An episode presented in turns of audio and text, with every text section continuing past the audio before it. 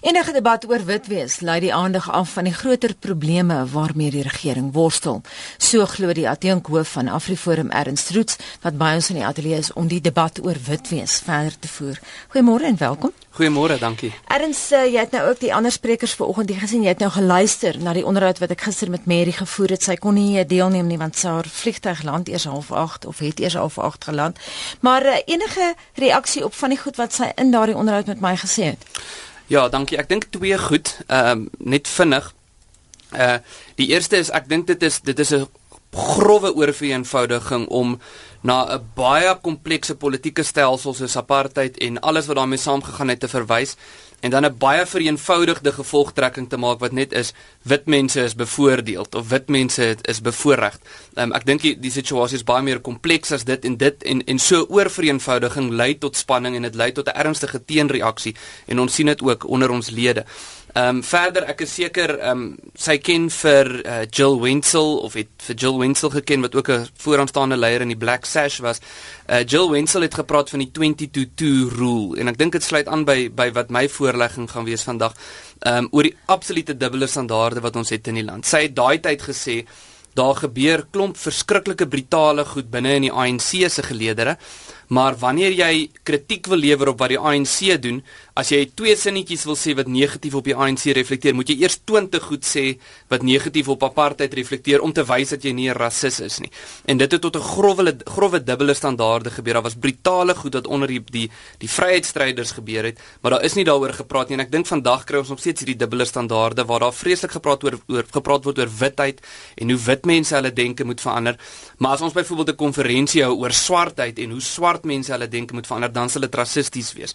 So hier's hierdie dubbele standaarde en ek dink dit skep meer rassespanning eerder as wat dit rassespanning verminder. Tog kies jy om aan hierdie beraad deel te neem erns. Hoe voel jy oor jou witheid?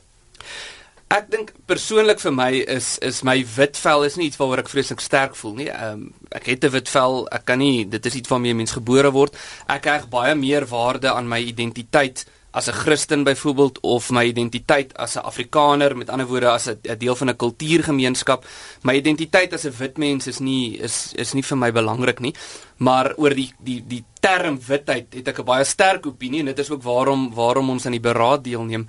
Ehm um, want ons voel ek voel dit is iets uh, en ons stel dit ook op onder Afriforum se lede dat mense voel dit is 'n term wat gebruik word om om wit mense eintlik as politieke slaansakke voor te hou en dit en dit frustreer mense. Ernst, het jou denke oor die jare verander oor jou witheid? Ek dink ehm um, tot 'n mate ja, my persoonlike denke ehm um, oor witheid en oor afrikanerskap. Ek het ek kom uit 'n huis uit wat baie sterk kultureel be, kultuurbewus was en ehm um, vir my was afrikanerskap byvoorbeeld iets wat wat uh baie streng kriteria gehad het om daaraan te voldoen. Jy moes aan sekere kriteria voldoen en ek het met tyd geleer dit is nie so eenvoudig om te sê jy moet aan hierdie en hierdie kriteria voldoen om aan 'n bepaalde groep te behoort nie. Uh in die eerste plek is dit diskriminerend en ongrondwettig en in die tweede plek dink ek is immoreel om vir iemand te sê as jy kies om deel van 'n bepaalde groep te wees, mag jy nie deel van die bepaalde groep wees nie, veral nie as dit oor oor, oor die kleur van jou vel gaan. Daar is heelwat luisteraars wat wonder watter sin het hierdie soort van debatvoering?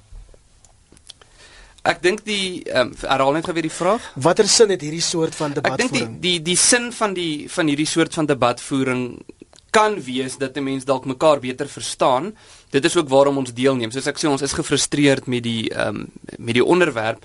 Maar as 'n mens in so 'n gesprek deelneem en 'n mens verstaan mekaar dalk 'n bietjie beter aan die einde van die gesprek en 'n mens aanvaar mekaar se bona fides, dan dink ek bring dit ons bietjie nader.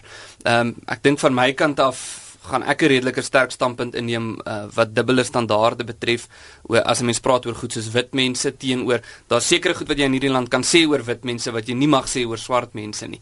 En en ek dink dit dit is iets wat mense wat 'n probleem is vir mense en dit gaan ons nie vorentoe bring nie. As jy pas aangeskakel het of aangesluit het by ons ons praat met Ernst Roots van AfriForum oor wit wees, daar's 'n groot debat daaroor vandag in Johannesburg.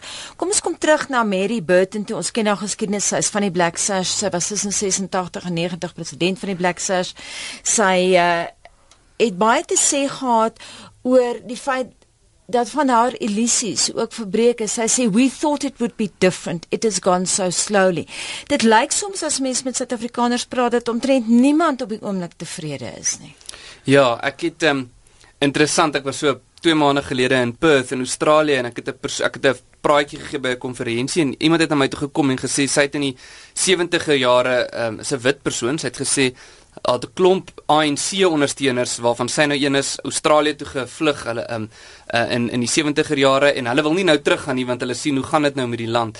So ek dink daar was 'n groot ontnigtering en ek dink deel van die probleem en dis weer eens die punt die werklike probleme in Suid-Afrika is nie so seer uh witheid nie. Ja, ehm um, dit kan dalk 'n klein rol speel. Ek dink dit speel 'n klein rol in die groter prentjie. Maar ek dink die groter prentjie is meer goed soos die regering se beleid ten opsigte van ekonomiese ontwikkeling. Dit skep baie meer probleme in die land as wat wit mense se denke byvoorbeeld skep. Ehm um, die onderwyskrisis wat nie behoorlik aangespreek word nie en eintlik rasse-inmenging in die onderwyskwessie wat wat nie onderwys bevorder nie, maar wat dit eintlik benadeel. Ons het nou gehoor onlangs weer Panyaza Lesofie se uitsprake oor Afrikaanse skole. Ehm um, en hierdie tipe goed, die goed wat by die Potchefstroom Universiteit gebeur, uh dit het 'n impak op onderwys. Uh die feit dat 80% van ons skole disfunksioneel is. Hierdie is die werklike probleme in die land. En en dit is die goed as ons oplossings daarvoor kan kry, sal dit op 'n baie groter vlak die land vorentoe beweeg as wat 'n oplossing vir die vraag oor witheid byvoorbeeld sal doen.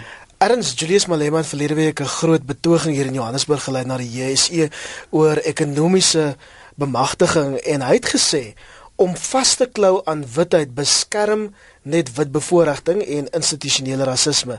Jou reaksie daarop? Hmm. Kyk, die die die EFF is 'n is 'n populistiese party uit en uit. Ehm um, ek dink hulle hulle slaan munt op op swart nasionalisme.